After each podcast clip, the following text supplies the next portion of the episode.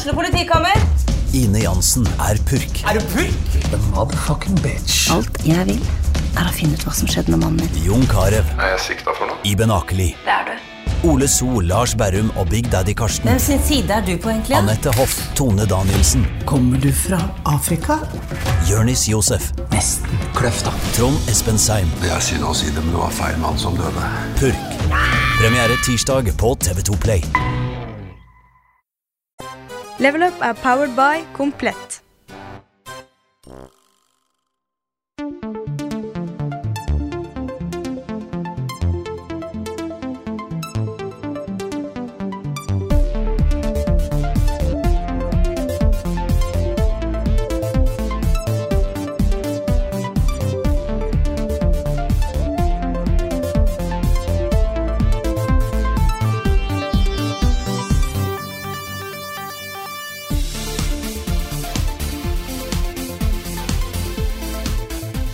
Velkommen alle sammen til en halvveis helaften om spill, som i hvert fall er bedre enn Pixels med Adam Sandler.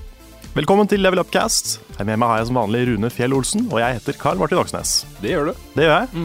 Åssen er formen, Rune? Den er, jeg er sliten. Jeg er kjempesliten. Jeg kan ikke huske sist jeg var så sliten. Nei, det passer Og- bra, for jeg også er veldig trøtt i dag. Og etter fire og et halvt år med små barn, øh, og jeg sier det, så husker jeg sikkert feil. Det var sikkert mer slitsomt i starten her. men, men jeg føler meg så sliten nå. Det er uh, har vært et par utmattende kvelder. Det har det.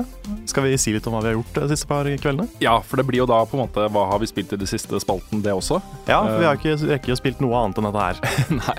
Det er til gjengjeld så har vi spilt ganske mange forskjellige spill. Ja. Fordi uh, Vi har jo sagt det tidligere i podkasten også, uh, men eh, nå vet vi at det kommer til å skje. 100, 100 sikkert. Mm. Duellen er tilbake i neste sesong av Level. Up. I en veldig ny form. Veldig ny form, og det var så gøy å spille inn dette her. Uh, men vi holdt jo på til langt på kveld, sånn halv type 11-halv 12 Uh, to kvelder på rad. Mm. Um, bare det å komme hjem og prøve å sove etter en sånn intens kveld med duellering, ikke så lett. Nei, for det er noe med at du har skuldrene over huet Ja. når, du, når du sitter der og kjemper om For det er jo en straff involvert, det er en premie involvert, Ja. og det er mye greier da, som, vi, som vi både vil og ikke vil. Og da blir det oppspilt stemning, kan man kanskje si. Veldig. Eh, og så har det da eh, tidligere, eh, alle de tidligere duellene, så har det jo vært du og jeg som duellerer mot hverandre. Denne gangen så er vi ti stykken. vi er på en måte nesten hele level up-familien. Ja, det er ikke langt unna. Nei.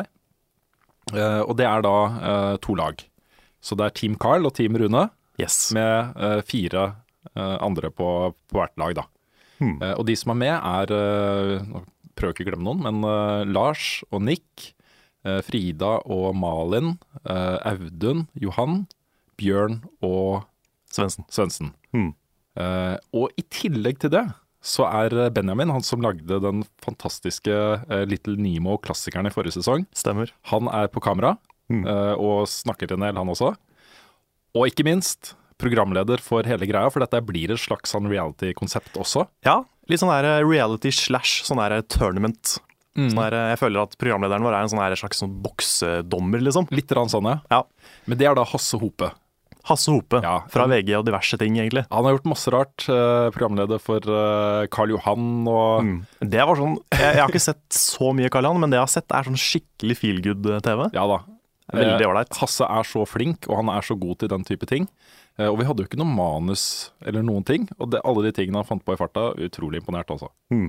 Ja, han gjorde en fantastisk bra jobb, Ja, på, gjorde bare for å introdusere spilla, for å gjøre alt det han gjorde. Mm. Så, Altså, veldig bra. det, det her er jo et Akkurat nå så er jo hele duellen og alt vi har gjort der, er jo et fullstendig kaos, fordi det er jo så mange klipp eh, som vi må sette sammen til et eller annet. Som Ja. du må sette sammen som til et jeg eller må sette sammen, Ja. sånn uavhengig av om jeg vinner eller taper, så, så får jeg den. ja. Så det, det blir en jobb Ja, som sannsynligvis tar hele resten av tida før level up begynner. Eh, men jeg tror, det her blir, jeg tror det her blir kjempegøy, altså. Ja. Det var gøy å lage det, og det er morsomt at vi er tilbake med, med dette konseptet. Mm. Ja, det er eh, Jeg tror sånn utenom E3-turer og sånne veldig svære ting vi har gjort, så er dette her noe av det morsomste jeg har gjort på jobb. Mm. Det var kjempegøy å samle gjengen og lage, Ja. sånn skikkelig, og lage en skikkelig produksjon med alle sammen. Mm. Det har vi ikke gjort før, så det er Nei. veldig gøy. Ja, det er utrolig morsomt. eh, Og det er jo på en måte Alle de folka som er involvert med å lage dette programmet, her, er, det er så ålreite folk. Mm. Eh, og så er det å komme til noen nye som kanskje ikke kjenner de andre så godt. Så det å gi de muligheten da til å bli kjent med, med oss andre, er jo også veldig hyggelig. Ja. eh, Og kjent med hverandre. Jeg føler liksom alle har gitt noe. Alle har gjort sitt Mm. for å gjøre dette her morsomt. da, Gjøre det kult. Ja. Så jeg syns liksom alle har blitt en sånn egen Det er liksom en gjeng med sånne fargeklatter som eh, bidrar til å lage noe som forhåpentligvis blir morsomt å se på. Mm. Og så skal det jo ikke legges eh, skjul på at, eh, at det ikke bare er uh, og fjas og gøy, liksom. Uh, duelleringa var blodseriøs. Ja, det er blodig alvor. Jeg Ja, tror, ikke, tror ikke jeg har jubla og hylt så mye uh, på mange år. Nei. Spesielt under noen av Jeg skal kanskje ikke avsløre noen av spillene. Nei, det kan vi Det kan vi vente med. Ja. men uh, det er noen veldig kompetitive, veldig intense, spennende spill Mm. å se på og delta i, liksom. Ja. Så det var jo uh, veldig anspent stemning opptil flere ganger. Det var De kveldene der. Ja. Ehm, det er jo en stund siden vi har duellert, eh, og grunnen til at det er en stund siden vi har duellert, er jo først og fremst at den straffen fra forrige gang, og det er jo to, to år siden, er det ikke det? Ja, det er noe sånt. Ja. Uh, den var så forferdelig. Jeg, uh, det endte med at jeg måtte sitte i en eh, løgndetektor, og du stilte meg sånne spørsmål som f.eks.: Har du noen gang bæsja på deg i voksen alder? Ja, det hadde du jo.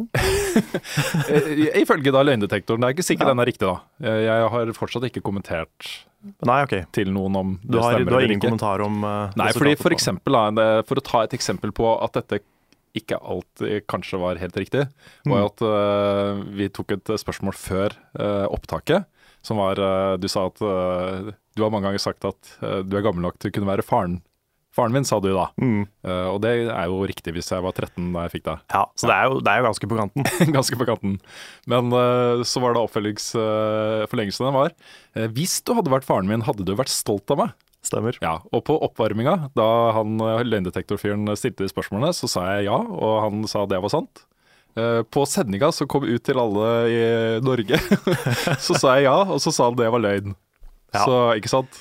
Jeg lurer så på hva det er som utløser de tinga der. Ja, han sa jo det at for å få mest Altså, nå tar vi kanskje litt bort fra Ja, men det er litt såpass sånn lenge der, siden, så det er kanskje greit. Ja, Litt sånn behind the scenes-magien forsvinner her, men eh, Ja, det får, det får gå. Ja. Han sa at for å få best mulig resultat av løgndetektoren, så bør det samme spørsmålet stilles mange ganger. Um, og det er uh, Han sa jo også at liksom, de kan treffe riktig på første forsøk eller andre forsøk, eller også Ja, men uh, best mulig resultat, samme spørsmål mange ganger. Og det gjorde vi jo ikke. nei, det er sant. Så uh, ja. Så det var litt sånn Kanskje jeg bæsja på meg i voksen alder? ja, Kanskje, kanskje, Ja, kanskje ikke. ja. Du ikke er fornøyd med penisen din. Kanskje du er det. Kanskje, ikke sant. Mm. Hvem vet. Det er ikke godt å si. Det er ikke godt å si. kanskje jeg har blitt kåt på en spillfigur Ja, kanskje kanskje det. ikke. Mm. Mm. Det er, eh, jeg hadde så mange flere spørsmål jeg kunne stilt. Men vi, det er ikke løgndetektor i år. Nei, og det er det som er litt eh, ille nå, fordi straffen er verre. Den er verre. verre. Den er faktisk Jeg ville, vært, jeg ville heller vært i ti løgndetektorer enn å utføre den straffen her. Ja. Eh, taperen av duellen eh, Nå må vi holde maska begge to, fordi Mm. vi vet jo hvem som har vunnet og tapt. Det, gjør vi. Eh, så- det blir en vanskelig hemmelighet å holde i Ja, Så ikke, ikke prøv å tolke noe ut fra stemmene våre og sånne ting nå. Nei. Eh, men straffen her denne gang er å stå på en scene foran et live publikum eh, og holde et standup-show. Hmm. Om spill. om spill, et spillrelatert standup-show. Foran folk som ikke er der for å se en av gutta i Level Up holde et standupshow om spill. For det er en ganske stor forskjell. Det er en vesentlig forskjell. veldig stor forskjell. Ja. Det er litt sånn eh, Det er som å prøve å vise en Let's Play til bestemor, liksom. ja. Det er sånn, De er bare ikke inne i det. Nei. Så det er eh, Den er skummel, altså. Ja, den er, eh, det, det er forferdelig. Og Ja. det er, vi har snakka masse om det i forkant også. Og det er liksom Vi er jo opptatt av å lage bra TV, liksom. Vi syns Mm. det er gøy å lage ting som er morsomt, selv om det kanskje går på bekostning av oss selv.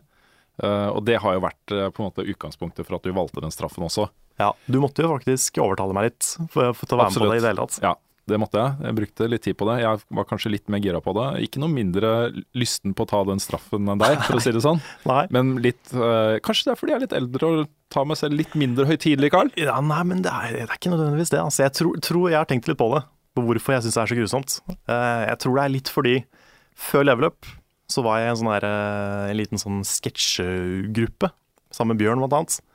Som vi kalte for Muffens Media. Hvor vi drev og lagde litt sånn, Det var jo ikke så morsomt, men vi følte at vi av og til prøvde å være litt morsomme. Ja, det var av og til veldig morsomt også.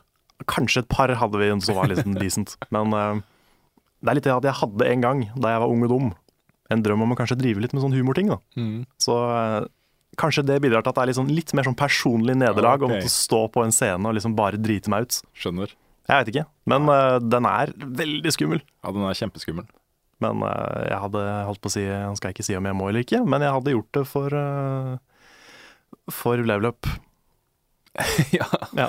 det er bra. Nei, Vi diskuterte mye fram og tilbake. Og det som jo er tingen, er at selv om vi var ti deltakere, så var det jo du eller jeg Ja. som tar den straffen. Mm, straffen går på teamlederen. Straffen går på teamlederen, eh, mens premien gikk da til vinnerlaget, Ja. eh, som konkurrerte om den. Skal vi avsløre det nå? Ja, det kan vi også. Ja. For det er, eh, det er en veldig, veldig, veldig kul premie. Den er dritkul. Ja. Det er et selskap som heter Analog NT. Eh, De lagde for en del år tilbake en helt ny versjon av Hva kan det ha vært? Kan det ha vært Dreamcast? Jeg lurer på om det var Dreamcast. Ja, ok, ja, det vet ikke jeg. Nei, det var en eller annen gammel konsoll. Som de lagde en helt ny versjon av, eh, med nye komponenter og sånt, men som kunne spille da originale spill til den konsollen. Og nå har de laga en helt ny versjon av NES eh, i børsta aluminium. Eh, og det er sånn Når du bestilte den, så kunne du velge liksom om den skulle ha NTC eller eh, europeisk utgang. Den har HDMI ut og upscaling og masse sånne ting. Ja, og den tar da originale spill. Eh, originale NES-spill. Og den ser latterlig lekker ut. Eh, er et svinedyr. Eh, jeg kjøpte den til meg selv. Ja. Eh, tenkte dette vil jeg ha. Men når vi satt oss og snakka om, om premien her, så er det vanskelig å finne en premie som ikke er liksom tar hele budsjettet vårt, men som er allikevel så eksklusivt at det er dritkult å vinne den. Og da var det det nærmeste vi kom fram til. Ja. Det, var, det er en sånn premie som alle vi som deltar blir drithappy for å få. Eh, den er vanskelig å få tak i. Du får sikkert kjøpt den eh, på eBay for uh, 20 000 kroner, liksom. Hmm. ja, for du har jo ikke, du har ikke fått din ennå.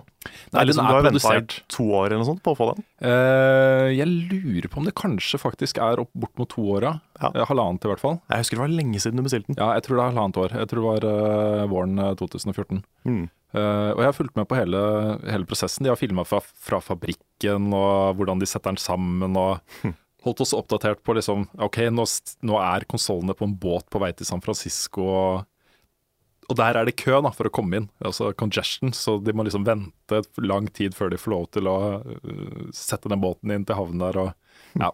Men nå er den, den er liksom på et lager i USA, de har begynt å sende det ut. Så den er på vei.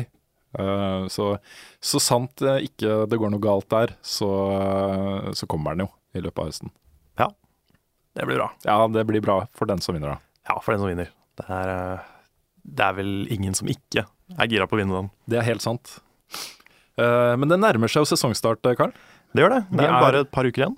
Ja, det blir da enten 1. eller 8. september. Det gjør det. Og det er helt avhengig av når vi får Metal Gear Solid, rett og slett. Ja. Så Konami will make or break the season. Det er helt riktig. Mm. Jeg har en mistanke om at det blir 8.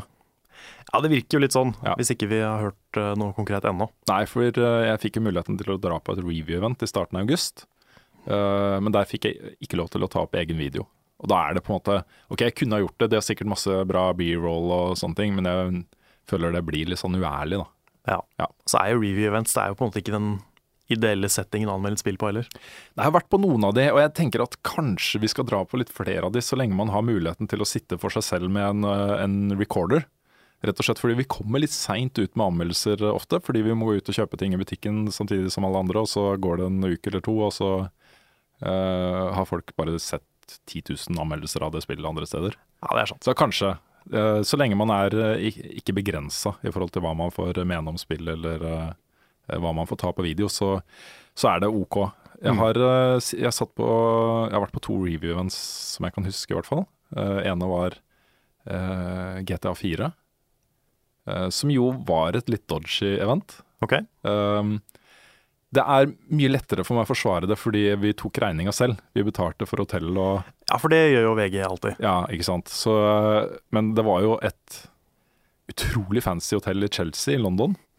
Uh, kjempefint hotell med god mat. Og så satt det jo da en representant fra enten uh, nordiske uh, utgiveren eller Rockstar på rommet samtidig som jeg satt der. Og jeg er glad for at jeg var ganske erfaren da jeg satt og spilte der, fordi de kommer hele tiden med sånn Å, du må oppleve dette, og nudga, okay. liksom. De nudga.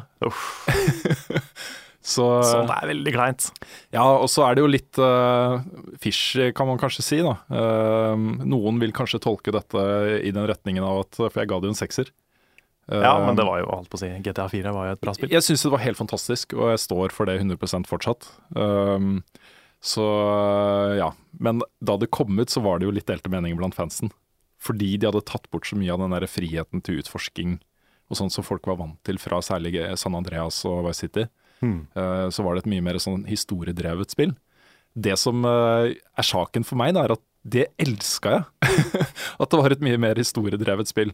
Og jeg elska historien om Niko Belic og, og hans reise eh, fra start til slutt i den fortellingen.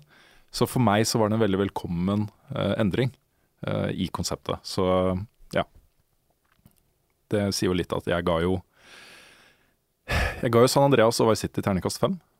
Ja, okay. Mens veldig mange mente det var en klar sekser. Og jeg reagerte mye på det mekaniske, og så syns jeg øh, historiebiten var litt for sånn fragmentert og lite engasjerende. Mm. Uh, fortsatt et fantastisk, fantastisk bra spill begge to, selvfølgelig. Men ikke den der åpenbare, selvfølgelige terningkast seks-spill som veldig mange mente. da. Nei. Så for meg var GTA 4 et veldig sånn spill. Mm. Det andre spillet var uh, Bioshock. Da satt jeg aleine på et kjipt møterom i England, dette også, Hmm. uh, med en headset-kabel som var altfor kort. Uh, så jeg måtte liksom sitte sammen med nakken eh, mot TV-en for ikke liksom Jeg måtte komme så langt unna den TV-en som mulig, fordi det var en stor TV. Ok. Men uh, Det var sikkert for å få immersion. Så Jeg skulle du sitte ikke. veldig veldig nærme. Nei, det var også på en kontorstol ikke sant, på et møterom. Det var ikke optimale uh, Ikke en optimal setting i det hele tatt. Nei, ok. Så det var ikke sånn at du fikk druer fra sida fra en, uh, en eller annen PR-representant? Nei, nei, dette her var veldig sånn øh, Ja, jeg vet ikke hvorfor, hvorfor det var sånn. Det var ikke et, et sånt hotell-review-event. Du Nei. måtte bare sitte på hotellet. De måtte ha kontroll på at den konsollen og disken ikke forsvant noe sted. Der har jo Take Two og Rockstar alltid vært svine eh, opptatt av. Ja, de, de er eh, brutale på det der. Ja, og så havner du alltid på Pirate Bay likevel. Det gjør det. Så ja, jeg vet ikke. Det er magisk. Mm. Men det også var jo et magisk spill. Okay. Det var det. Det har jeg heller ingen problemer med å stå for i dag. Nei, Det var lang digresjon dette her, men uh, Ja, det, jeg tenkte på litt sånn eh, i forhold til det, det med review-events og Jeg har ikke vært på noen review-events, men jeg har vært på noen av de der preview-turene. Og det var vel En av de første turene jeg var på, det var til Los Angeles for å teste både God of War Ascension, vel, uh, og The Last of Us. mm. Jeg husker den der opplevelsen av å spille God of War mens en sånn ganske svær, litt sånn skummel PR-fyr sto med armene i kors sånn rett bak meg og bare stirra på skjermen. Jeg var livredd for å finne en bug eller et eller annet sånt. Ja, ja, ja. Det, var jo, det er så ubehagelig å liksom ha noen liksom rett bak deg Mm. som bare stirrer på en skjerm. Jeg, jeg klarte ikke å fokusere på spillet. Nei, det er, uh, det er ikke optimalt i det hele tatt. Det beste er å sitte liksom i den settingen man er vant til å spille ting. Mm.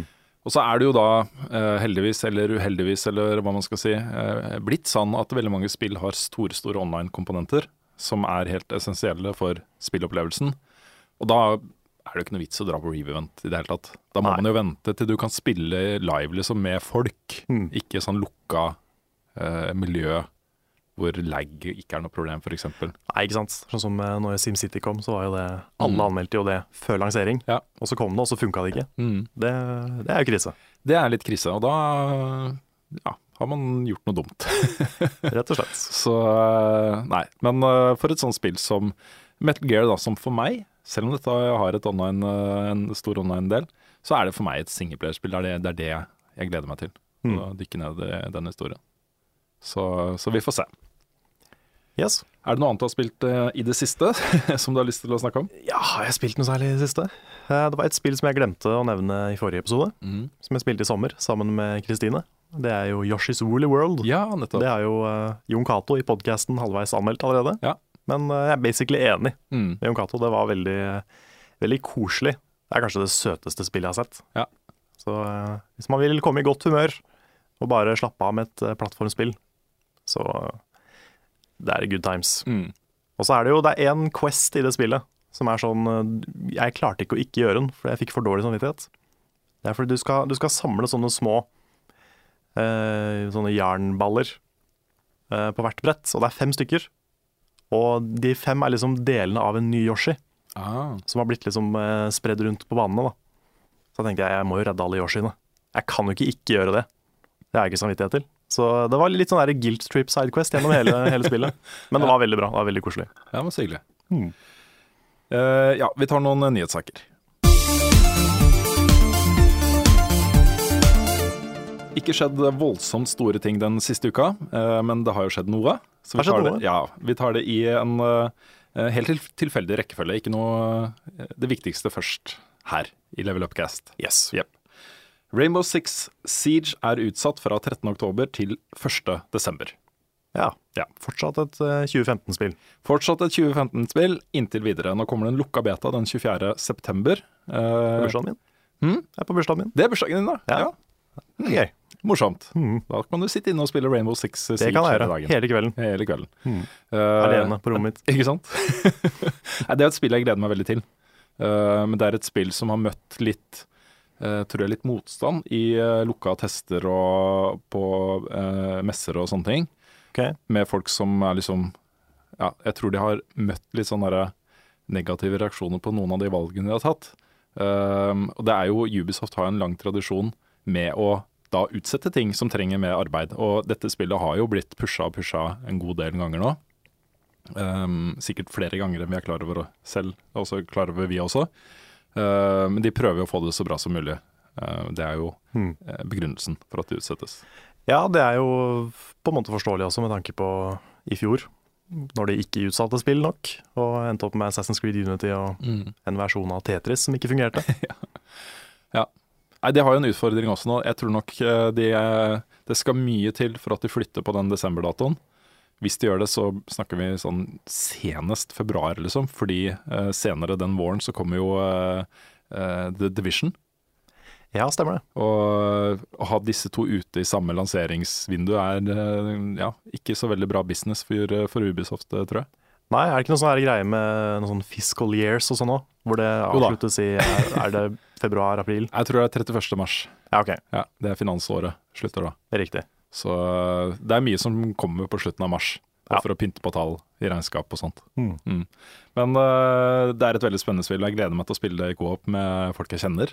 Ja. Det er sånn typisk sånn kult spill å streame for oss også, tror jeg. Mm. Ja, det må, vi, det må vi streame. Mm. Det er uh, sikker på at halve laget kommer til å suge, inkludert meg. Men uh, det er bare morsommere stream. Så Ja, da blir det morsommere stream. det er fint. Uh, det kommer jo en, eh, en samlepakke av Uncharted i høst.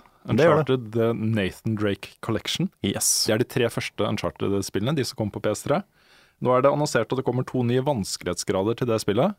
En easy mode, som er eh, Jeg husker ikke om han heter easy mode, men det handler om folk som bare er interessert i historien. Så det blir veldig lett. Det er ikke vanskelig å komme seg gjennom. Eh, Og en ultra hardcore mode, som gjør det mye vanskeligere. Hmm. Så det er kult. Ja. Eh, Det får også en egen speedrun mode og et eget fotomode. OK. Speedrun Uncharted, er det stort? Jeg tror det er ganske stort. Vi snakka med en på spillquiz. Hun, øh, hun drev og speedrunna The Last of Us. Ja, The Last of Us. Det Ja. også er sånn her Jeg klarer ikke å se for meg hvordan man speedrunner, men, Ja, eh, men jeg gjør det. Jeg har drevet og speedrunna Resident Evil Uh, i mine yngre dager. OK. Og det var liksom Der var det jo ting du kunne oppnå uh, ved å runde det på en viss uh, tid, da. Under en viss tid. Hmm. Um, og det er på en måte Ja, det er noe der som er ganske gøy, da. Det å på en måte Ok, først spille det gjennom veldig seigt, og så bruke lang tid på å komme det gjennom bygning, f.eks. Og så bli så god på det at du kan liksom bare pang, pang, pang, så er det gjennom. Hmm. Det er et eller annet der som er ganske fascinerende. Ja, ja, den ser jeg. Jeg har fulgt med på hele sommeren, den der eh, Summer Games Done Quick. Mm.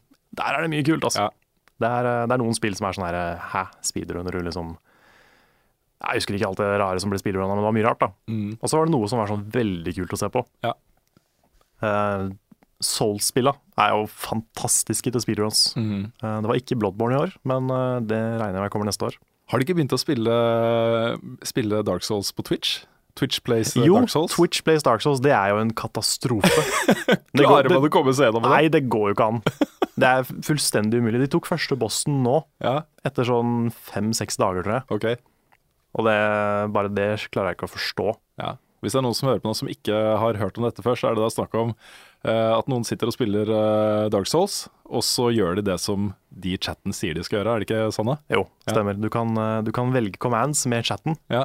Eh, skrive liksom up, down, eh, og så forskjellige knapper, da. Ja. Og så skjer det. ja, nettopp. Men Ja, det er ikke noe som sitter og manuelt trykker. Det er, en, eh, det er automatisert. Ja, på en det er et system som er satt opp. Ja, Nettopp, ja. Men uh, jeg skjønner ikke hvordan det skal være mulig. For det er altså hvis du bare Hvis du er fire troll da som går inn der, Mhm. Så kan du gå inn på menyen, velge dark sign, gå tilbake til forrige bonfire. Og da har du mista kanskje tre dager med progress, ikke sant. Så det kommer Hvis ikke de gjør noe, hvis ikke de tweaker den formelen litt, så kommer de aldri gjennom Dark Souls. Jeg er helt sikker på. Nei, det kan bli sånn evighetsprosjekt. Det er litt morsomt det òg, da. Ja. Hvis folk gidder å følge med så lenge. Men det er sånn her, det er jo bare det å levele opp, ikke sant. Det blir jo umulig med en Twitch-chat. Morsomt. Eh, det drypper inn litt nyheter om Kingdom Hearts 3 innimellom. Det gjør det. Nå har det blitt annonsert at uh, Big Hero 6 blir et, uh, en verden og eh, en ting du, eh, som blir implementert da i Kingdom Hearts 3. Ja. Jeg er ganske happy med det valget. Ja. Har du sett filmen? Nei, jeg har ikke fått sett filmen, Aha. men eh, den skal eh, ses. Mm. Den er veldig sånn eh, Den er veldig bra, for det første. Og for det andre så, så matcher den veldig bra eh, de liksom themesa og eh, historieelementene i Kingdom Hearts. Da. Mm. Så det er et uh, kult valg. Ja. Og hovedpersonen er jo basically den samme som hovedpersonen. Så de er jo de er veldig like. Ja. Og, og så har de et plott da, som tydeligvis eh, er etter filmen. Mm. Så det fortsetter liksom fra der hvor filmen eh, slutter. Ja, men det er kult. Så det er stilig. Ja. Virker som de har noe kult på gang der. Mm. Jeg håper jo det kommer litt mer gamle Disney-filmer, for nå har vi jo hørt, hørt om Tangled og Big Hero 6. Ja. Og det er veldig moderne filmer. Jeg driver og ser masse Disney-filmer. Ja. De er så bra, altså. De er det. Ja. I hvert fall, eh, ja, mange av de har en sånn veldig spesiell sjarm. Mm. Eh, en film som, vi har sett en, som jeg har sett en del med ungene nå, er eh, eh, På norsk så heter den vel Bernhard og Bianca. Ja, ja, ja. Den er så nydelig, altså. Fantastisk bra film. Ja, den er veldig bra. Ja. Jeg så uh, 'Skjønnheten og udyret' med Kristine for ikke så lenge siden. Mm. Den også er veldig bra. Ja. Du merker jo at den er litt eldre nå enn den var da den kom, men Mm. den er veldig, veldig bra fortsatt. Litt eh, problem for meg er jo at jeg må se disse her på norsk. Ja. Og det er jo sånn som når man ser liksom to gode venner, f.eks., så, eh, så står det jo på rulleteksten der at eh, Kurt Russell har stemme. Det er liksom store, store navn, ikke sant, som har stemmene, og så får man liksom ikke sett det. Kanskje jeg skal snike meg til å se det på engelsk på kvelden. Mm. ja, jeg må innrømme at jeg klarer ikke å se Jeg klarer ikke å se dubba filmer på norsk lenger. Vent til du får barn, Karl. Ja, men da skal jeg bare lære dem engelsk. Da skal jeg, Vi ser ikke Disney på norsk. Jo, jeg må kanskje gjøre det. Ja, det eh, må nesten det. spørs det. Ja, det er, mange, av de, mange av de er gode, altså. Sånn som uh, Ja, altså- Frozen uh, har jeg ikke noe problem med å se på norsk. Har du ikke det? Nei, Den er bedre på engelsk, selvfølgelig. Ja, jeg har hørt at det er en av de som er litt kjipe på norsk. Nei, den funker veldig fint. Det gjør det? Ja. Jeg bare blir så irritert over bare la den gå. Bare det gjør meg sinna. Ja, Men ok. Altså, ikke for å snakke dritt om oversettelser, sånn, eh, for de er jo De som oversetter Disney-filmer er jo ganske flinke. Mm. Jeg skal ikke, skal ikke si noe annet. Jeg bare Jeg klarer det ikke sjøl. Jeg får litt vondt inni meg. Det er en ærlig sak, det, Karl. Det er det. Det er det samme med liksom japanske ting på engelsk. Ofte. Ja, ja det er, men det er, jo, det er jo helt sant. Ja. Jeg er jo ikke noe prinsipiell med tilhenger av dubbing i utgangspunktet. Nei. Men jeg er en prinsipiell tilhenger av at eh, barn på tre og fire år skal få lov til å se ting Ja. som de forstår. Det er jo Så- Um, Guillermo, Guillermo del Toro har nå sagt at han aldri skal lage flere dataspill. Har han det? Ja, han har det, i et intervju. Nei, jeg som trodde han Ja, det går mye fram og tilbake her nå. Ja. Det kan han endre mening igjen. Men han, eh, det han eh, punkterte da, i det intervjuet, var at eh, hver gang han har vært involvert i et spill, så har det gått til helvete. Um, Kojima og Silent Hills-prosjektet ble skrinlagt. Uh, før det igjen så var han involvert i et THQ-spill som het Insane, et sånt survival horror-spill. THQ gikk jo konkurs. ja.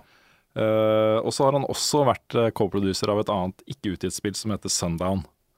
Uh, så det er liksom, han har tre spillprosjekter bak seg, ingen av de har blitt noe av. Nei. Så eh, han sier nå skal han bare eh, holde seg unna.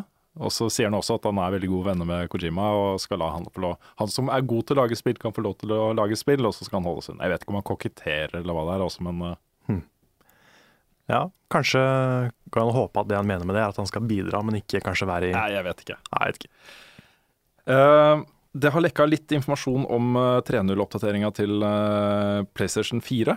Ja. Eh, den ser ut til å få broadcasting til YouTube. Det er nice. Jepp. Og eh, muligheten til å eh, sende ti sekunders eh, videouploads til Twitter direkte. Det er er interessant. Bare jeg vil Ja. nevne det. Det er liksom ja, tydelig at sosiale medier er en enda større revolusjon Mm, på gang, med video spesielt. nettopp. Siste nyhetssak er at Resident Evil 2 får en HD-remake. Ja. Uh, og den uh, kommer da en stund etter eh, Resident Evil Zero-remaken, som jo kommer i uh, er starten av 2016. Ja, ja, for det første Resident Evil har fått mange remakes, Ja, den har fått flere. men andre har ikke det, eller? Nei, Resident, det er første gangen det blir uh, i HD. Ok. Og det er Det var jo en fan, en mod-gruppe, som drev og jobba med det.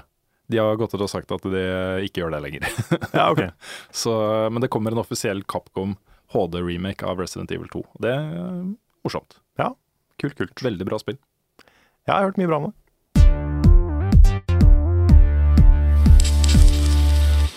Det har som vanlig kommet inn massevis av gode spørsmål fra dere som hører på podkasten vår. Så bra. Ja, det er kjempegøy. Da har vi, har vi et program å lage. Ja, folk leverer, det er veldig bra. Ja, det er kjempefint. Fortsett med det. Hyggelig for oss.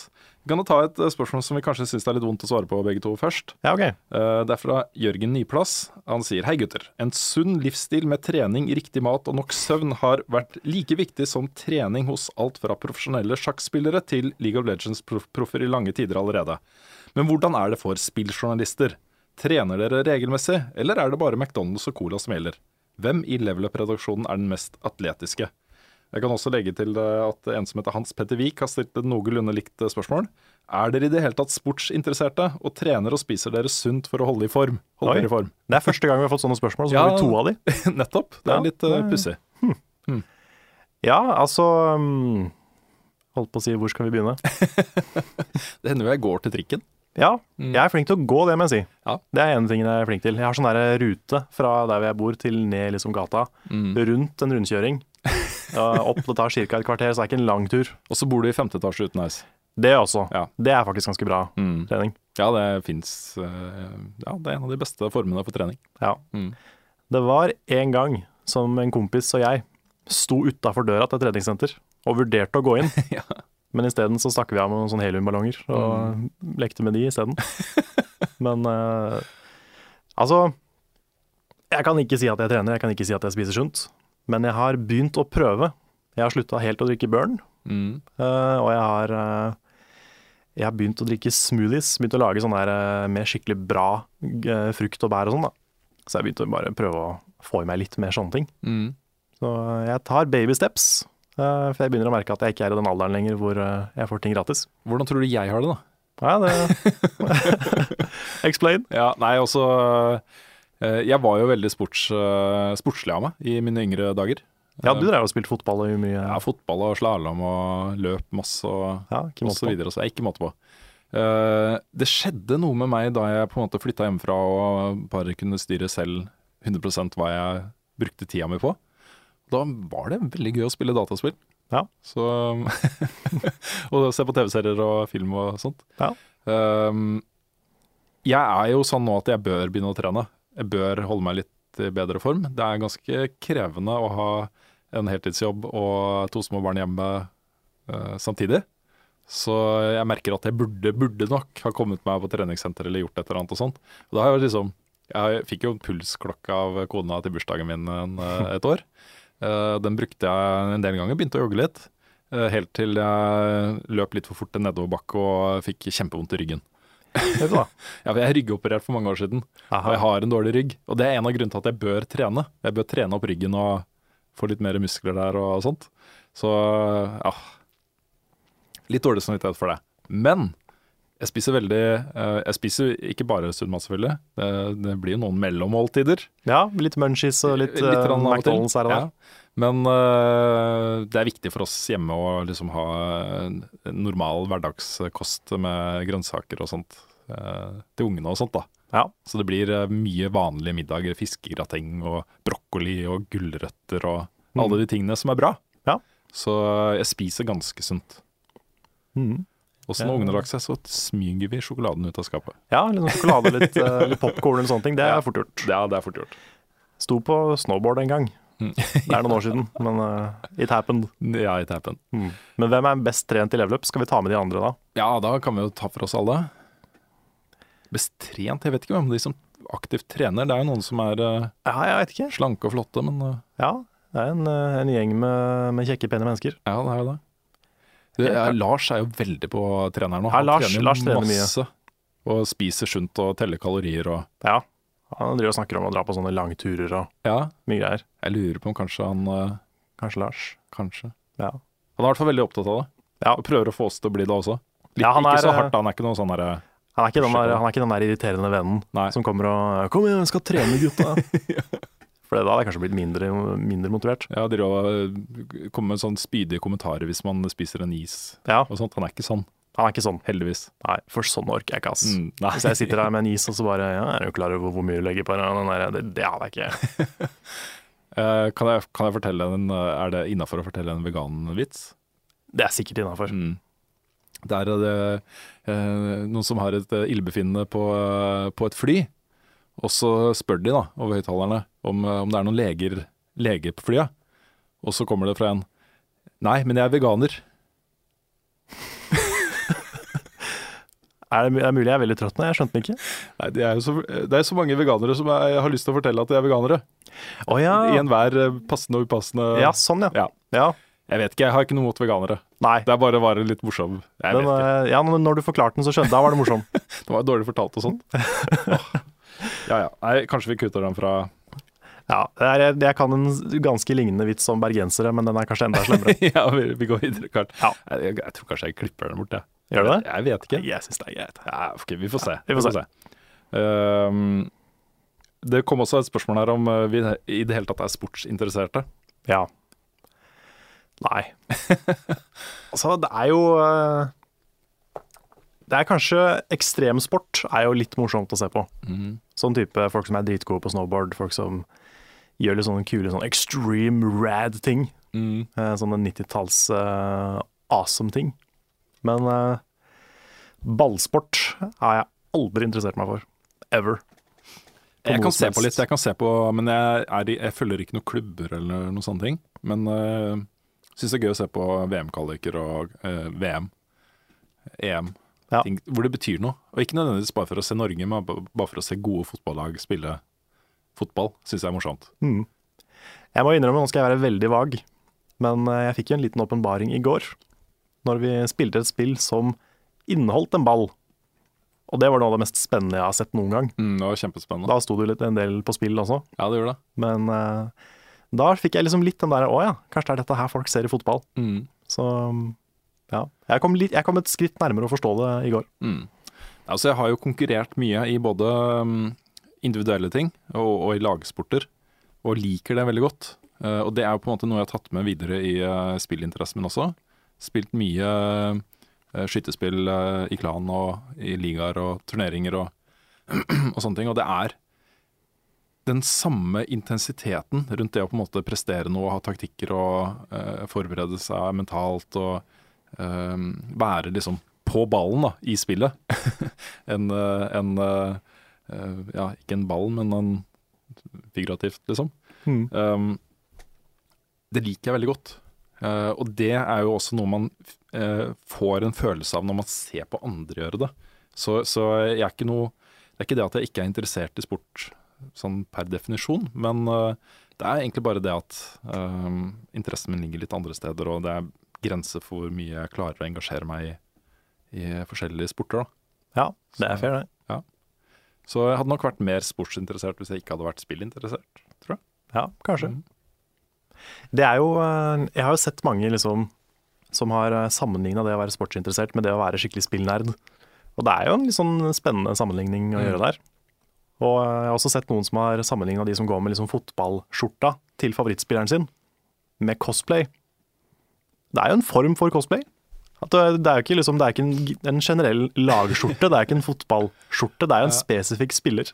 Ja, men cosplay Ja, det, er jo, det er ikke direkte cosplay, men det er jo en slags Jeg føler det er noe der. Handler, jeg, tror, jeg mener det handler mer om uh, at du går med liksom Half-Life 3 eller 2, kanskje. Ja. går på det. Ja, men det er det at det er liksom ikke et lag, det er en spesifikk spiller. Ja, kanskje. Ja. Det er det mange som ikke ligner på Ronaldo i det hele tatt. Ja, det er det. Det er mange dårlige Ronaldo-cosplays. Det er absolutt. Eh, nei, men Vi går videre til neste spørsmål. Um, og Det er fra uh, Joran Thomsen. Hva er det beste spilløyeblikket dere har hatt i sommer? I sommer. Hmm. Nei, det var veldig gøy å spille Yoshi med Kristine. Ja. Det har vært koselig. Um, så ble jeg veldig happy når jeg klarte å runde Dark Souls. Det første. For første gang. Er vel kanskje de to. Mm. Hva med deg? Nei, det er, det er relatert til et spill jeg ikke får lov til å snakke om uh, lenger. Du får lov å Får jeg bare ja. nevne det kjapt? Ja. Jeg tar Flawless med Atle Anders, som har lagd Destiny-podkast. Ja, det, det klarte dere i sommer. ja, det, ja, vi har klart det mange ganger nå, da. Men uh, første gang vi klarte det, og ja, ja, greit. Mange av de rundene som var innmari morsomme. Ja, nice. Jipp, jipp, jipp. Um, Jeg jeg, bare nevne en liten digresjon. Ja, Jeg fikk en melding fra Jon Cato, okay. vår gode venn Jon Cato, som har forlatt spilljournalistikken til fordel for uh, ja. ja. eh, spillutvikler... Uh, ja, spillindustrien. Mm. Uh, han sier at før da, så spilt, måtte han jo spille så mange forskjellige spill i løpet av året, så han fikk ikke tid til å dedikere nok tid til Destiny. Nei. Men nå har han bestemt seg for at det er det spillet hans som, som skal være hans spill. Han, han ville ha noen tips. Såpass. Mhm. Så han er, han er gått over til den sida. He's back. Simen Meisdal uh, lurer på hvor mye vi har spilt Mario Kart 64. Det er det spillet jeg har spilt mest, sier han. Ja. uh, jeg har jo spilt en del. Det var jo det store partyspillet veldig lenge. Så uh, jeg spilte mye. Jeg tror ikke det er favoritt-Mario Kart-spillet mitt. Jeg tror kanskje åtteren er over. Ja, det er mitt soleklare Mario Kart-favorittspill. Um, spilte det vanvittig mye. Sannsynligvis i hvert fall det spillet jeg spilte mest på Nintendo 64, tror jeg. Uh, og det, til, det er til det eneste spillet som jeg har spilt uh, sammen med foreldrene mine. Oi. Jeg tok det med hjem en jul og spilte uh, ja, med søstera mi og foreldrene mine. Hmm. Det var kjempegøy. Ja. Jeg fikk mammaen til å prøve Wii Sports en gang, men det er det eneste jeg har klart. Ja, nettopp. Nei, men jeg, for, for meg er det det beste. Det, um, Mario Kart-spillene er gode, da. Mm. Altid, det har vel liksom. ikke vært et dårlig Mario Kart-spill. Nei, men uh, det er det store Mario Kart-spillet for meg. Ja. Kan jeg ta et, et kjapt uh, Destiny-spørsmål? Ja, Ja, det det er jeg. ikke ja. Du ser så skyldig ut. Jeg får litt dårlig samvittighet. eh, du må være gjest i den podkasten. Ja, det kan jeg godt. Jeg kan, hvis jeg begynner å spille Taken King, så kan jeg kanskje Ja, komme med noe, noe fornuftig. Men det er et godt spørsmål. Cato Skjørestad, eh, dilemma til meg. Kun spille Destiny resten av livet, eller aldri spilt igjen fra og med nå? Hmm. Det er et bra dilemma. Ja, Eh, da hadde jeg valgt aldri spilt igjen fra nå. Ja det hadde det. Ja, ja, kan du ikke bare Altså, Nei, det hadde vært vanskelig å fortsette å jobbe som spilljournalist hvis du bare spilte Destiny. ja, bare det hele livet. Ja. Uh, nei, også uh, tra uh, tradisjonelt sett, erfaringsmessig, så har denne type lidenskaper som jeg utvikler for noen spill, noen få spill, eh, har en eh, løpstid. Altså den eh, har en eh, slutt et sted. Mm. På et eller annet tidspunkt så eh, blir man lei. Ja. Så ja, det er sant. Du hadde jo, du hadde jo Trackmania da jeg begynte i Level Up. jepp. Da var du veldig inne i det. Blodig uh, inni det. Mm. jeg var veldig hardcore inne i Trackmania. Ja, Så var det jo uh, Trials en stund. Trials uh, også vanvittig involvert. eh, ikke da Fusion, men det forrige. Ja, Evolution, ja. Ja. Mm. Så og før det igjen så har det jo vært Quake og eh, Half-Life eh, som jeg spilte mye av online. Og. Mm. Så eh, det er liksom ja. Jeg tror kanskje du får de enda litt oftere enn meg. For eh, jeg, har fått, jeg fikk jo Bloodborne nå, og det, det er første gang på mange, mange år. Ja. At jeg har vært så hekta på et spill, og spilte liksom tre ganger det året det kom. Men det har jo på en måte Det er et mer lukka univers, da. Hvis det, Ja, det er det. Hvis det er et online skytespill, så uh, er det vanskeligere å se slutten på, på den. Ja, ja for det jeg, jeg er litt sånn forsiktig med å, med å holdt på å si uh, jeg, jeg er vanskeligere for å bli hekta på et spill som ikke har en slutt, Mm. tror jeg. Jeg er litt sånn avhengig av den der eh, lukkende Ja. uh, greia på slutten. Nei, jeg tenker at jeg kommer til å få sånne kicks resten av livet. Mm. På ting som jeg Det er deilig å dykke ned i sånt. Uh, Ja, det er, jo, det er jo det. Det er en veldig god følelse å finne et sånt spill, Mm. og bare virkelig kunne slappe av og kose seg med det. Men vi har fått et eh, dilemma til, okay. uh, som er veldig morsomt. Uh, fra Sander Stein. Dilemmaet er Du har hørt den der push to button-greia, dilemmasaken på internett? Hvor du får Ja, satt mulig. to ting opp mot hverandre, og så er det sånn Du, du kan få det til å skje for å trykke på knappen. Da må du trykke på knappen, da. Og så er det Ok. statistikk på hvor mange som har trykka på knappen. Og, Jaha, ok. Nei, det er et eller annet sånt. Dilemmaet er Half-Life 3 blir lansert, men det blir eksklusivt på Xbox One. Will okay. you push the button? Nei, jeg ville ikke gjort det. Nei, så du, Det er, du, vil- hvis det hadde kommet bare på Xbox One, så ville du ikke spilt det. Ja, det er det som er eh, dilemmaet? Ja. Ok, Så det er ikke at du, du bestemmer at det skal lanseres? Eh, det eneste måten man får se Half-Life 3 på, er at det bare blir lansert på Xbox One. Altså Da vil jeg heller ha det enn å ikke ha det, på en måte. Ja. Men eh, hvis det er liksom nå versus å vente til det skulle komme på alt annet, så jeg er så lite glad i konsoll-exclusives, da. Jeg synes det er, så, det er så synd for alle de som ikke får spilt det. Ja, men det, blir, det, har en, det har en god uh, link til noe som skjer senere i år, hvor uh, Rise of the Tomb Raider kommer jo på Hmm. eh, Xbox One og PC. Ja, i hvert fall etter hvert. Ja. Eh, men det kommer jo ikke da på PlayStation 4 før ett år etterpå, så neste høst. Mm. Så den eh, tidseksklusiviteten der var mye lengre enn man hadde trodd på forhånd. Ja.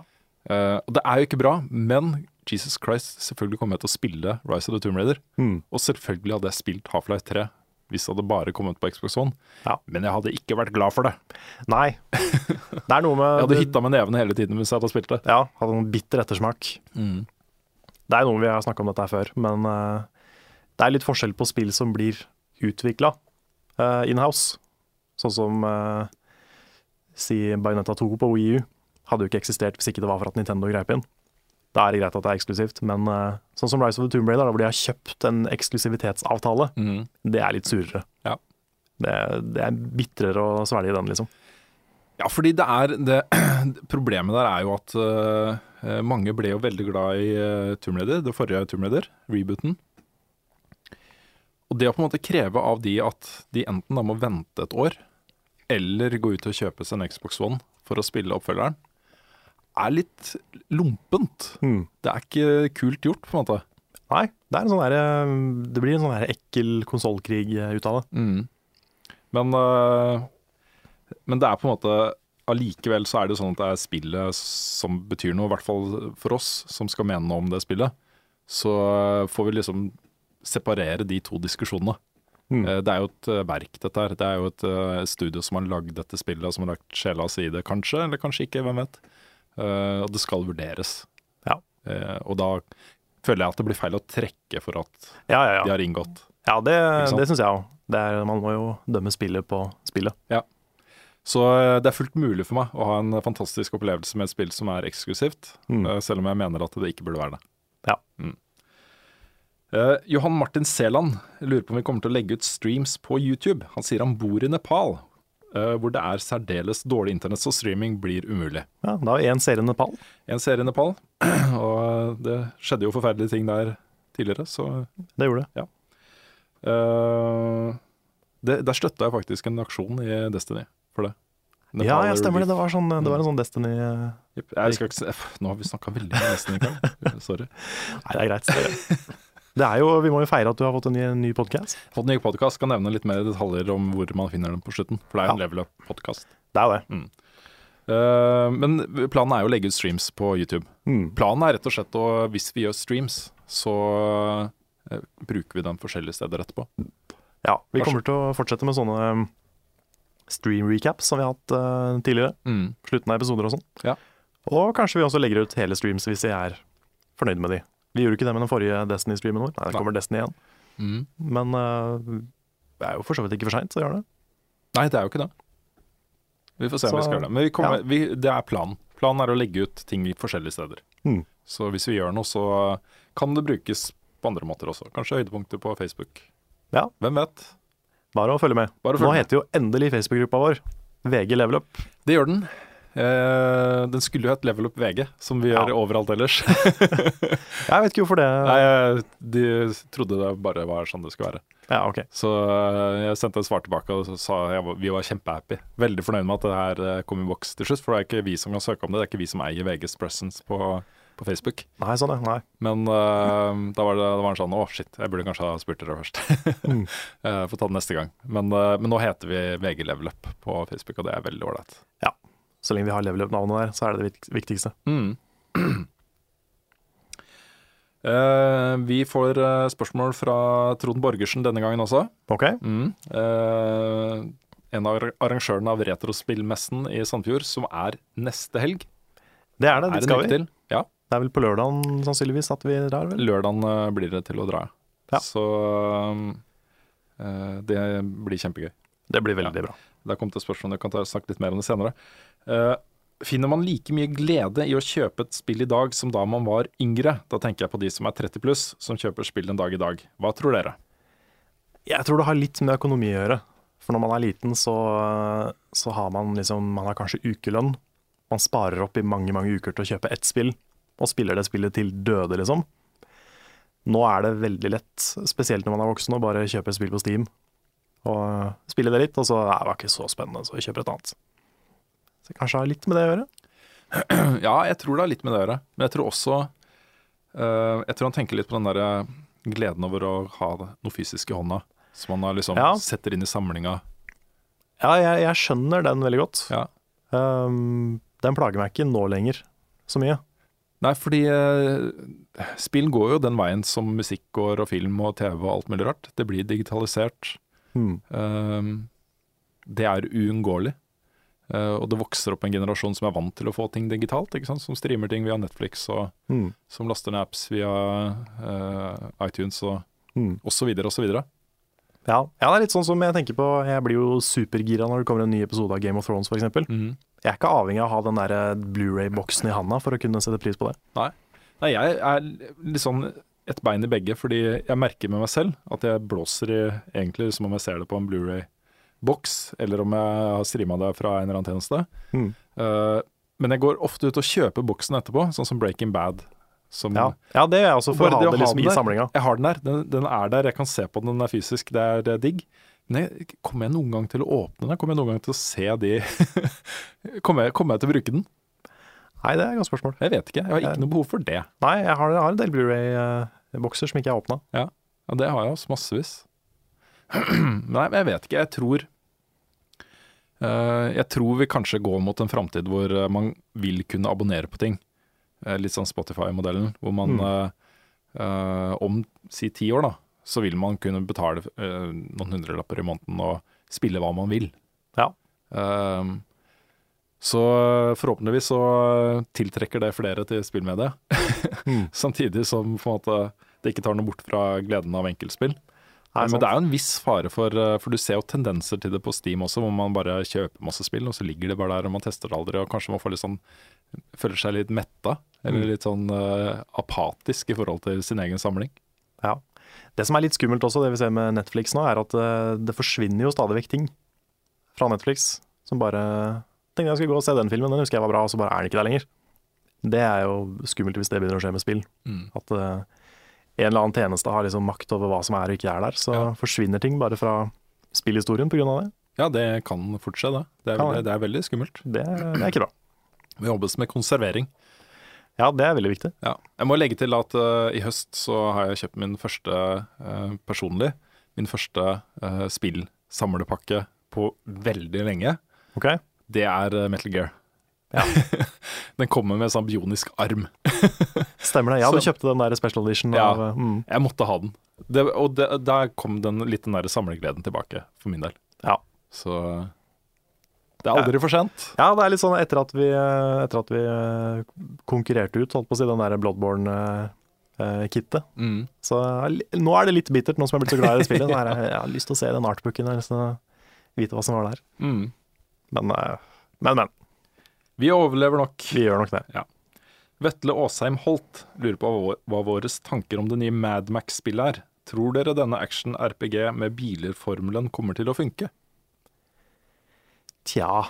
Jeg har ikke spilt noen av de andre Mad Max-spillene. Jeg har sett den nye filmen, er det den den er basert på? Ja, den er basert på den, så det er ikke, det er ikke basert på noen tidligere spill heller. Det er et nytt spill da, eh, fra et nytt studio, som en slags link til, til filmen. Ja. Det er i hvert fall ikke rusha ut for å komme samtidig som filmen. Så det er jo Nei, det er det et godt tegn. Ja, Eh, Det har potensial, og det har sett gøy ut. Alle de gangene jeg har sett det, så har det sett gøy ut. Eh, Men jeg har ingen forventninger til det. Nei. Det flyr litt under radaren foreløpig. Det er sånn spill som Det er ganske mange av de spillene som ser lovende ut, eh, vet ikke hvor bra det er, eh, venter med å mene noe om det til det kommer. Ja. Så det er jo for så vidt sånn man burde hatt det med alle spill, hvis man skal anmelde de. At eh, man ikke lar seg fange av noe hype-greier eller forventninger eller Ja, det er sant. Så, men det, det ser lovende ut. Det ser ikke ut Og så det ser ut som det eh, kan bli noe annet enn et drittspill. Mm. Det er fint. Det er fint. Mm. Det er en fordel.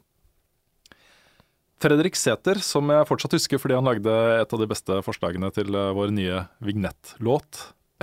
Ja, stemmer. Ja, eh, Den hørte jeg på her om dagen eh, senest, faktisk. Så, ja. uh, men han lurer på om vi kan kjøre Trackmania-konkurranse på livestream. Carl og Rune versus seerne. Oh, Det er et godt forslag. det er et veldig godt forslag. Ja, Og det kommer jo et nytt Trackmania i desember. Det gjør det. Det er Så- en kul ting å gjøre før jul. Ja. Det er, nå suger jo jeg. Trackmania i forhold til deg, men likevel. Så. Nei, men hvis vi spiller sammen, så blir det gøy, tror jeg. Ja. ja. For den, eh, den gleder jeg meg til, altså. Mm. Skikkelig. Ja, det så, det så Jeg har jo ikke spilt Trackmania nesten, men det så dritkult ut. Ja, det var Eh, nye på- miljøer, og så var det, var det en ny versjon av Stadium som er min favoritt. da. Så eh, jeg tror det kan bli et kult spill. altså. Mm. Trackmania Turbo heter det. Ja, det var jo noe av det kuleste på Ubisoft-booten. Uten tvil. Uten tvil.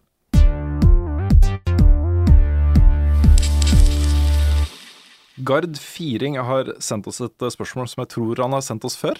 For han sier han lurer fremdeles på våre tanker om fremtiden til Wii U. Og kommer Zelda til Wii U? Ja. Um, Vi har snakka litt om dette i tidligere podkaster også. vi har det. Eh, Det er egentlig det er litt vanskelig å på en måte mene noe konkret om fremtiden til Wii U. Men jeg har jo en mening, som jeg har sagt før også. Mm. Og det er jo at det føles som om Nintendo på en måte nå gradvis avvikler den. eh, Ja. Og forbereder seg på en ny konsoll.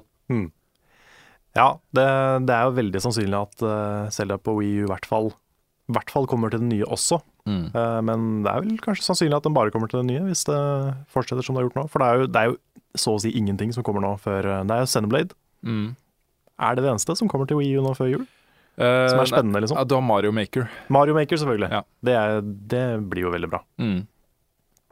Men det er vel, hvis ikke jeg glemmer noe nå, så er det vel de to.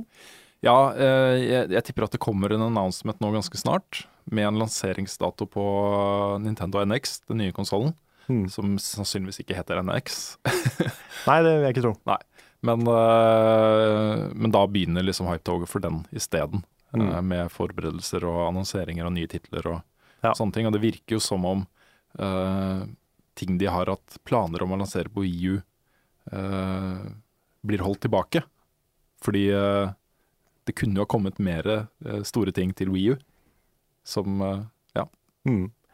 Ja, Star Fox for så vidt eh, kommer vel også i år. ja, det gjør det vel, tror jeg. Mm. Mm. Men eh, ja, det er jo ikke et veldig stort spennende lineup. Det er jo liksom veldig Nintendo-spesifikke Ja. ting for Nintendo-fans.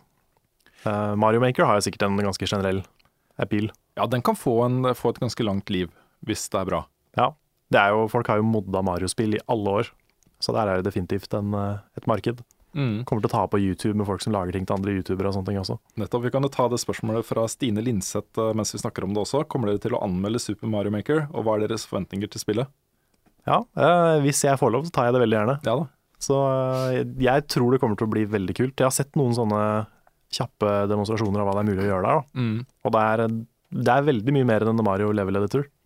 Det er mye sånne rare effekter og lyder og ting som du kan legge inn, da, som, er, som aldri har vært i noe Mario-spill. Uh, Men det er kult, da. Ja. Og du kan jo spille som eh, Jeg tror det er alle som har en Amibo. mm. Så du kan ha liksom Sonic i et Mario-brett og NES og forskjellige ting. Da. Kult. Så det er, mye, det er mye kult der. Jeg så også noen eh, nevnte at eh, det tar ni dager å unlocke alt i det spillet. Ja, det er jo litt rart. Ja. At de driver og timegater ting. Ja. Det vet jeg ikke helt hva jeg syns om. Det, jeg håper de låser opp det for anmeldelser. Men det, vi skal ut og kjøpe det, så, Ja, vi skal sikkert ut og kjøpe det. så det spørs. Vi kan ta, kanskje gjøre en liten eh, Let's Play-serie av det, eller et eller annet, og så Ja. konkludere med noe. Kunne ha sånn Mario Maker dag én. For eksempel. Mm. Det hadde vært morsomt, det. Ja, kanskje det. Mhm. Gjøre det litt annerledes. Vi finner nok ut av det. Det er jo et spill som bør testes og Absolutt. Ja. Vi burde lage noen maps, og kanskje få seerne til å lage maps til oss. Og... Og ja. det hadde vært eh, kjempegøy. Ja, nei, men uh, Det hadde vært en bra stream. ja, det Hvis vi det. streama maps fra seerne. Ja, det er kult. Det hadde vært kult. Det hadde vært kjempekult. Den uh, spikrer vi. Ja, det vil vi gjøre. Nei, også eh, for å bare konkludere litt på, på Wii U-fremtiden, så eh, er det jo sånn at det er en god konsoll. det Ja. mener jo både du og jeg. Det har kommet mye bra spill til den, og Mm. det er en konsoll det er verdt å kjøpe. Men eh, den har jo ikke slått så an som eh, Nintendo hadde uh, håpa.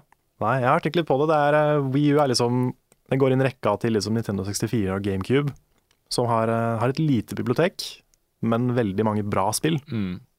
Mens Wii, som var liksom den store superkonsollen til Nintendo, har jo veldig mange spill, men også veldig mye dårlig. Ja da. Så det er liksom det ene eller det andre. Ja, men det blir jo litt sånn også. Uh, hvis eh, en konsoll har veldig mange eiere, så vil jo mange gi ut spill til den. Ja, det er sant. Hvis den har få eiere, så trenger man et visst antall uh, solgte eksemplarer for at det lønner seg. Mm, Så da er man mer restriktiv på, på hva man gir ut. Ja. Mm. det er sant. Et spørsmål fra Henning Hillesland, som jeg ikke tror eh, appellerer så veldig til deg, Carl. Men okay. Når han sendte det, så ble jeg litt gira. Aha. Dere må se den i Maiden-musikkvideoen. Og da Maiden er da Iron Maiden, Carl. Ja, ja, altså jeg skjønte det. Ja, du skjønte det? Ja. Eh, den heter Speed of Light, den låta, og eh, den er veldig spillrelatert. Eh, han uh, Eddie, da, som er maskotten til Iron Maiden, eh, spiller liksom i forskjellige spill. Fra liksom 8-bit og opp til eh, moderne førstepersons skytespill. Det var kult å se liksom Eddie i en sånn uh, setting. Ja, det må jeg se. Mm, ja, du må se den. Den var mm, mer sånn sånn morsom enn sånn veldig ha-ha. Ok, ja. Ja. Så um, ja men det er, jo, det er jo egentlig litt min eh, musikksjanger. Jeg bare er veldig lite educated på det. mm. Så jeg har eh, fått med meg lite av det som er bra. Ja, nei, det er eh, Ja. Låta syns jeg ikke var så Nei, ok. Klassisk Maiden er mye bedre. Jeg skjønner. Men eh, ja, ja. Ole Henrik lurer på ute og sole seg eller sitte inne og spille. Inne og spille. Inne og spille. Samme her. Ole Andreas Egeland Rørvik, hva syns dere om Disney-filmen Wreck-It Ralph? Syns den er kjempebra selv. Jeg er veldig glad i den. Jeg også likte den kjempegodt. Det var, jeg så den på flyet hjem fra min første USA-tur Mm. med jobben, og eh, jeg måtte, jeg måtte anstrenge meg for ikke å begynne å grine på slutten. Mm. Så det, var, det hadde vært litt flaut å sitte der og grine ved siden av en fremmed på flyet, Ja, ja. så jeg holdt meg tilbake. Men det var, det var jeg syns slutten er veldig fin, ja, den er kjempefin. og den er veldig bra. Ikke fordi den er en film om spill, men eh, den eh, helt uten det også, så er den veldig, veldig fin. Ja, altså den, eh, den tar Altså Den føles ikke som sånn påtatt 'nå skal vi snakke til gamere'. Typen. Nei, ikke i det hele tatt. Det føles som dette kommer fra hjertet, Mm. og derfor så likte jeg den også veldig godt. Um, Amandus Furvold lurer på hva vi gleder oss mest til på Retrospillmessen 2015. Ja, jeg gleder meg til å se Brental Floss uh, live. Han skal jo ha en liten minikonsert, og uh, mulig vi får et intervju med han. Håper det. Ja da, det gjør vi sikkert. Han er jo han har jeg fulgt med på siden han eh, begynte, egentlig. Ja. Å lage sånne fleipete spillmusikkting. Han har, har hørt noe på noe? Nei, jeg har ikke det. Nei. Nei. For han har, han har mange morsomme sanger, altså. Mm. Og noen litt sånn fine sanger. Har en Earthbound-sang som er veldig sånn her, eh, veldig koselig. Ja. Og eh, han er jeg veldig fan av, så det blir kult. Og så vil jeg kjøpe noen spill. Jeg kjøpte jo en Sega Mega Drive der i fjor, så nå skal jeg bare hamstre spill, tenkte jeg. Mm. Jeg hadde jo tenkt å eh, kjøpe en del spill, jeg også, faktisk. For Ja. jeg kjøpte jo en SNES Mm. for en stund siden. Som Stemmer. jeg er på jakt etter spill til. Ja, så bra. Mm. Så det er min plan. Nice. Ellers så gleder jeg meg. Vi skal jo ha et eller annet opplegg der, vi vet ikke helt hva ennå. Men eh, vi finner vel ut av det snart. Ja, noe sånn type Q&A-panel, kanskje? Kanskje noe sånt. Ja. For det er alltid morsomt. Det er veldig gøy. Ja. Alt som er liksom hvor vi får med seerne, Mm. er veldig gøy, altså. Ja, helt enig. Et spørsmål fra David Pollen Stavik. Gran Turismo eller Forza? Jeg har ikke spilt noen av de. Jeg spiller veldig, veldig lite bilspill, Ja da. så eh, det er nok ikke helt kvalifisert til å svare. Jeg har spilt begge de to ekstremt mye. Veldig, veldig mye. Um, så mye at, uh, at jeg ble veldig metta på den sjangeren, egentlig. Um, det er fortsatt lett for meg å på en måte vurdere de spillene, men de treffer meg ikke like sånn inn i hjerterota som de gjorde før. Nei. Og det er ikke noe tvil om at uh, min kjærlighet til dette starta med Gran Turismo. Uh, og så gikk det nok litt over til Forza etter hvert. Fordi den var Det er elementer i Gran Turismo som jeg syns er boring. Skikkelig boring. Uh, og du må spille det så utrolig mye før du liksom begynner å få tilgang til alt som er gøy, da. Hmm. Uh, og så var det da i tillegg uh, disse mikrotransaksjonene som kom i siste utgave. Ja, stemmer det. Var det Gran Turismo som hadde de verste av de?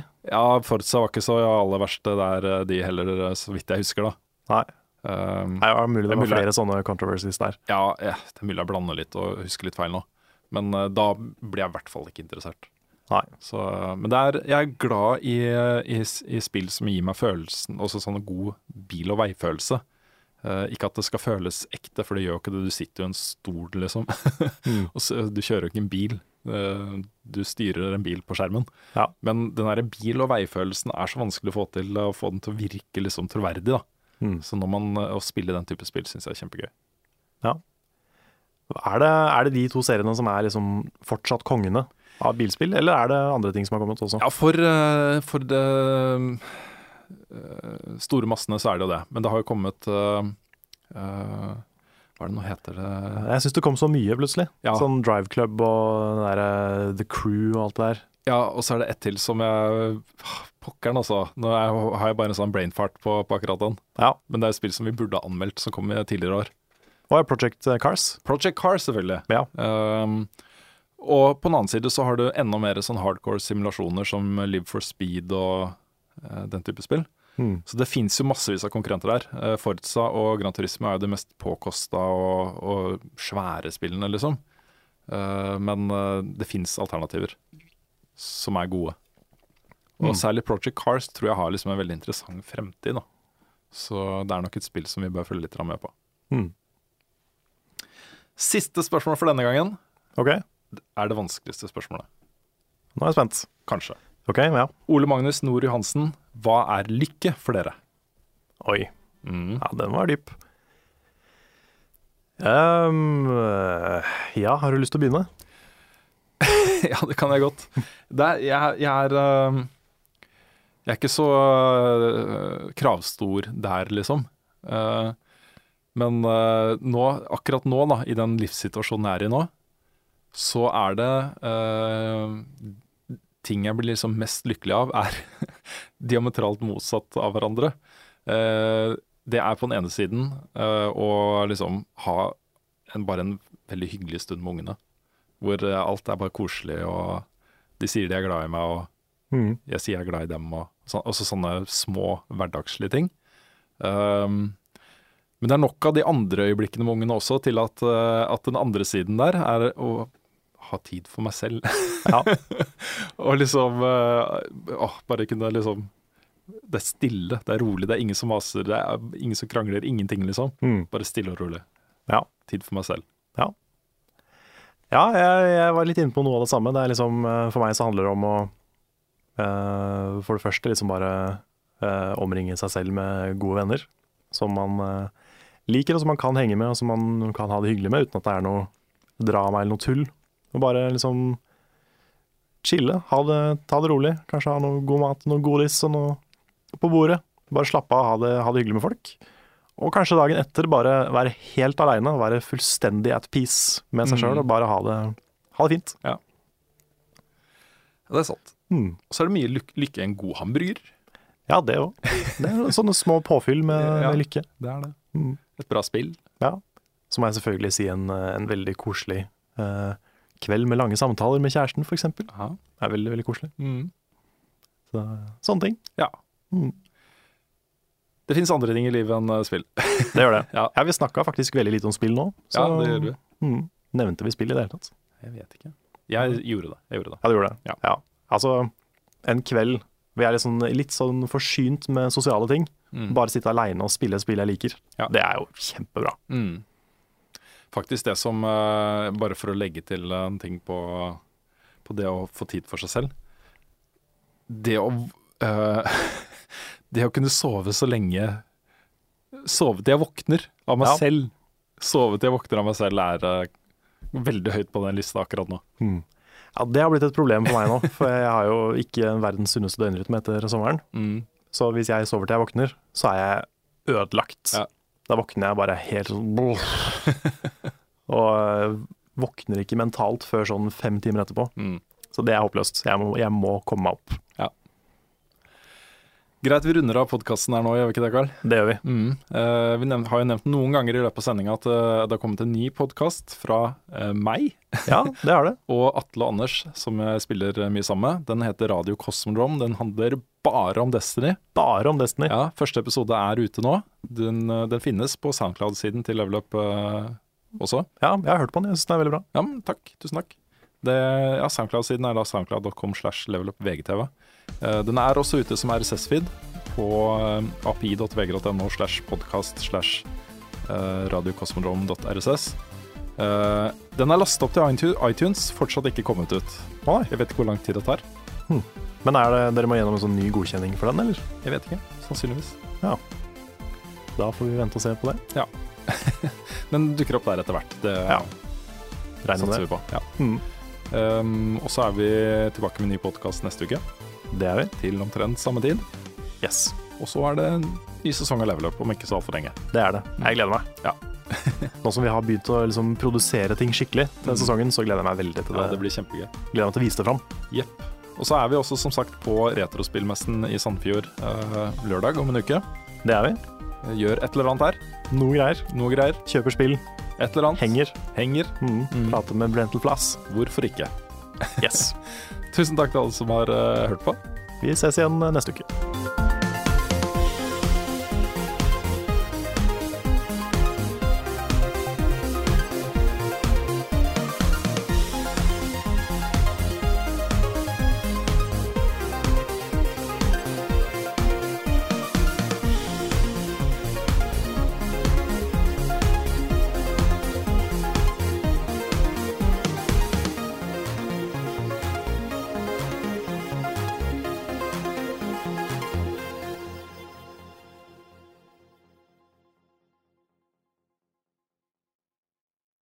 Har du et enkeltpersonforetak eller en liten bedrift? Da er du sikkert lei av å høre meg snakke om hvor enkelt det er med kvitteringer og bilag i fiken, så vi eh, gir oss her, vi. Fordi vi liker enkelt. Fiken superenkelt regnskap.